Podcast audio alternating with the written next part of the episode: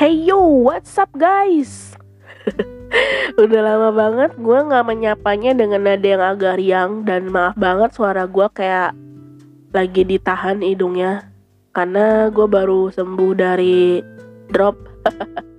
Iya gue seminggu ini ngedrop abis ampun. Um, kama, apa Kamis kemarin juga gue nggak ada isi podcast kan bener-bener gak ini nggak apa nggak ada tenaga banget benar-benar drop gue cuman bisa di tempat tidur doang nggak bisa ngapa-ngapain. Suara juga nggak ada. Badan lemes semua sakit.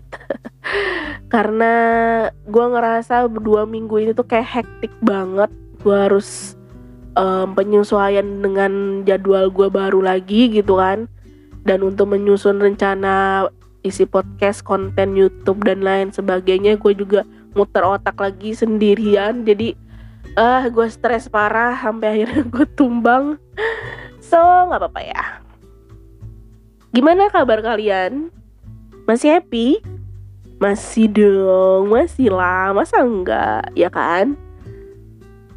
New Year coming soon nih. Gimana gimana? Apa kalian seneng banget nunggu pergantian tahun? Atau ya udah sih be aja gitu toh gue juga masih begini-begini aja. Atau kalian tipikal yang udah punya berjuta resolusi yang mungkin bakal kalian relaksasikan di tahun 2022 nanti. Ya apa pun itu guys gue berharapnya sih kalian sehat-sehat dan bahagia selalu ya. Ya walau ada sedihnya semoga aja sebentar. Karena kan memang ini hidup gitu ya. Harus ada sedih bahagia ketawa nangis gitu. Harus ada temen. Jangan sedih mulu jangan bahagia mulu gitu. So gimana healing kalian? Kalian ikut-ikutan latah juga nggak nih sama tren yang sedang melanda? Atau memang bukan sekedar latah aja sih memang uh, memang kalian merasa ya kita sekarang udah berada di era yang diharuskan untuk healing mama bear ya semoga aja ya. Semoga kalian melakukan healing itu benar-benar untuk diri kalian demi kewarasan kalian sendiri. Bukan karena sok ikut-ikutan keren ah gue healing lah gitu. Karena semakin ke sini nih gue pribadi semakin menghadapi realita di mana adik-adik asuh gue kalau ada masalah dikit galau dikit istilah-istilah psikologi itu selalu disebut gitu kan kayak habis baru putus sama pacarnya. Terus dia tuh um, adik gue tuh bilang aku aku nih sekarang lagi kena semacam trust isu kak. Aduh sorry maaf sebelumnya. Bukan gue mau mengunderestimate mental seseorang ya. Gue paham banget.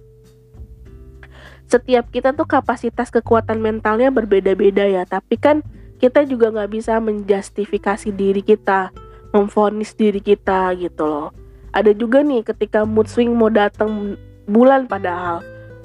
Terus dia bilang gue kayaknya kena bipolar deh nih kak. Aduh gitu lah. Setelah diceritakan dengan jelas itu mah cuma perubahan mood karena menstruasi aja gitu kan. Setiap perempuan tuh pasti bakal ngalami apa bakal ada di fase itu. Bukan karena istilah-istilah skologi itu sedang marak di, di generasi Z ini bukan berarti itu serta-merta menjadi satu acuan atau gambaran dari rasa atau kondisi kita di saat ini gitu ya. Karena kita kan seharusnya nggak boleh dan nggak bisa mendia mendiagnosis diri kita sendiri. Oh gue begini ya. Oh gue begitu. Oh gue kena gaslighting. Oh gue kena stress issue oh gue kena self apa toxic po positivity. Apa sih? Ya pokoknya gitu gitu gue kagak ngikutin banget. Karena istilah psikologi yang sedang tren ini sih seharusnya dipakai sama orang-orang yang jelas sudah mendapatkan diagnosa resmi dari tenaga ahli yang mereka kunjungi gitu kan. Bukan dari hasil analisis sendiri. Ketika lu galau karena diputusin sama pasangan lu dan lu merasa udah nggak bisa percaya lagi sama orang lain ya itu wajar brody. Karena gini nih nih. Gini ya gue kasih analogi baru eh analogi baru. Gue kasih analogi biar masuk ke logika kalian. Ketika tangan lu terluka berdarah pas motong bawang atau apa pun yang kena dengan benda yang tajam otomatis otak itu akan menginstruksikan ke semua saraf. Ayo hati-hati ya sama benda tajam hati-hati ya sama pisau tuh si tangan kena tuh dijaga tangannya biar nggak kena lagi. Refleksnya lebih ditingkatkan lagi gitu. Cukup rasa sakitnya yang dirasakan sama si tangan. Nah instruksi itu menimbulkan efek. Jadi kita agak-agak takut pegang pisau gitu kan. Jadi kita lebih aware lebih hati-hati. Nah sama. Hati kita juga gitu ketika lagi terluka karena kita nggak pernah menyangka orang yang kita sayang sedang menyakiti diri kita membuat otak tuh harus bisa menginstruksikan lagi ke semua supaya kayaknya lu harus lebih hati-hati lagi deh sekarang belajar dari pengalaman. Nah, itulah yang menimbulkan efek itu tadi jadi kayak kurang percaya gitu sama orang.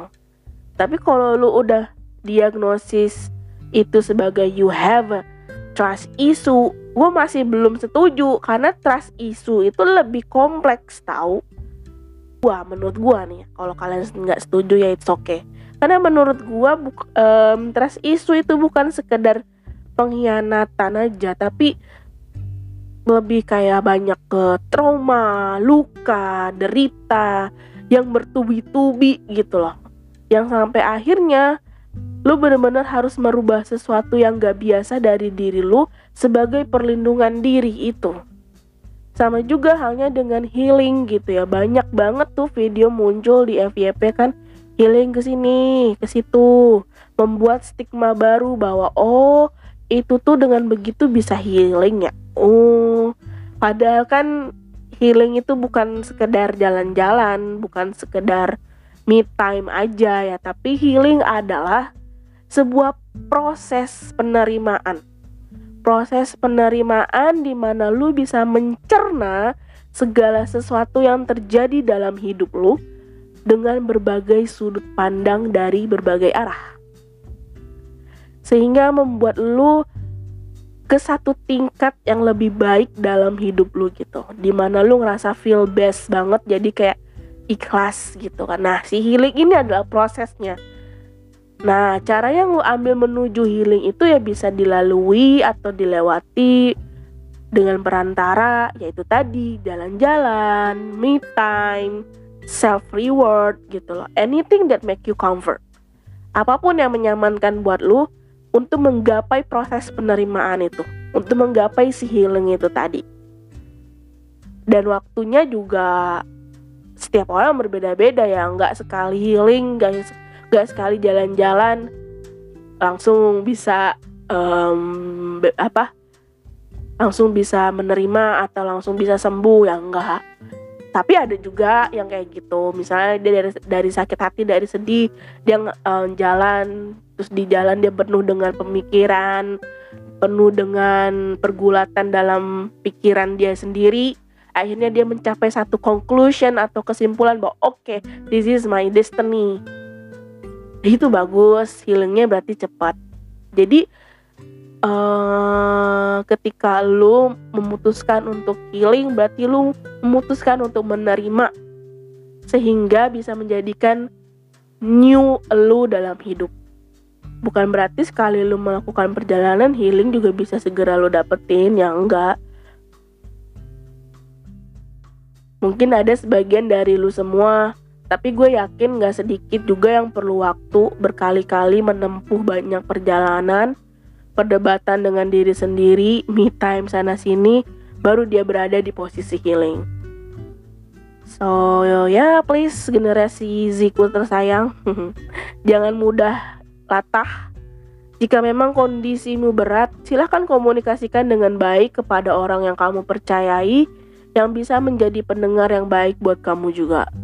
Jangan gampang mendiok mendiagnosis sesuatu yang kenyataannya jauh lebih complicated gitu dari yang kalian kira. Jangan ngerasa keren dalam tanda kutip dua ya. Ini tangan gue, gue gerakin kiri kanan nih di kepala gue nih. Kebayangkan? Yang ngerasa keren, wah gue kena trust isu nih. I'm so done banget sama hidup gue. This is bipolar really kill me. Itu udah serem gitu ya Padahal cuma masalah mood swing aja bisa sampai ke situ.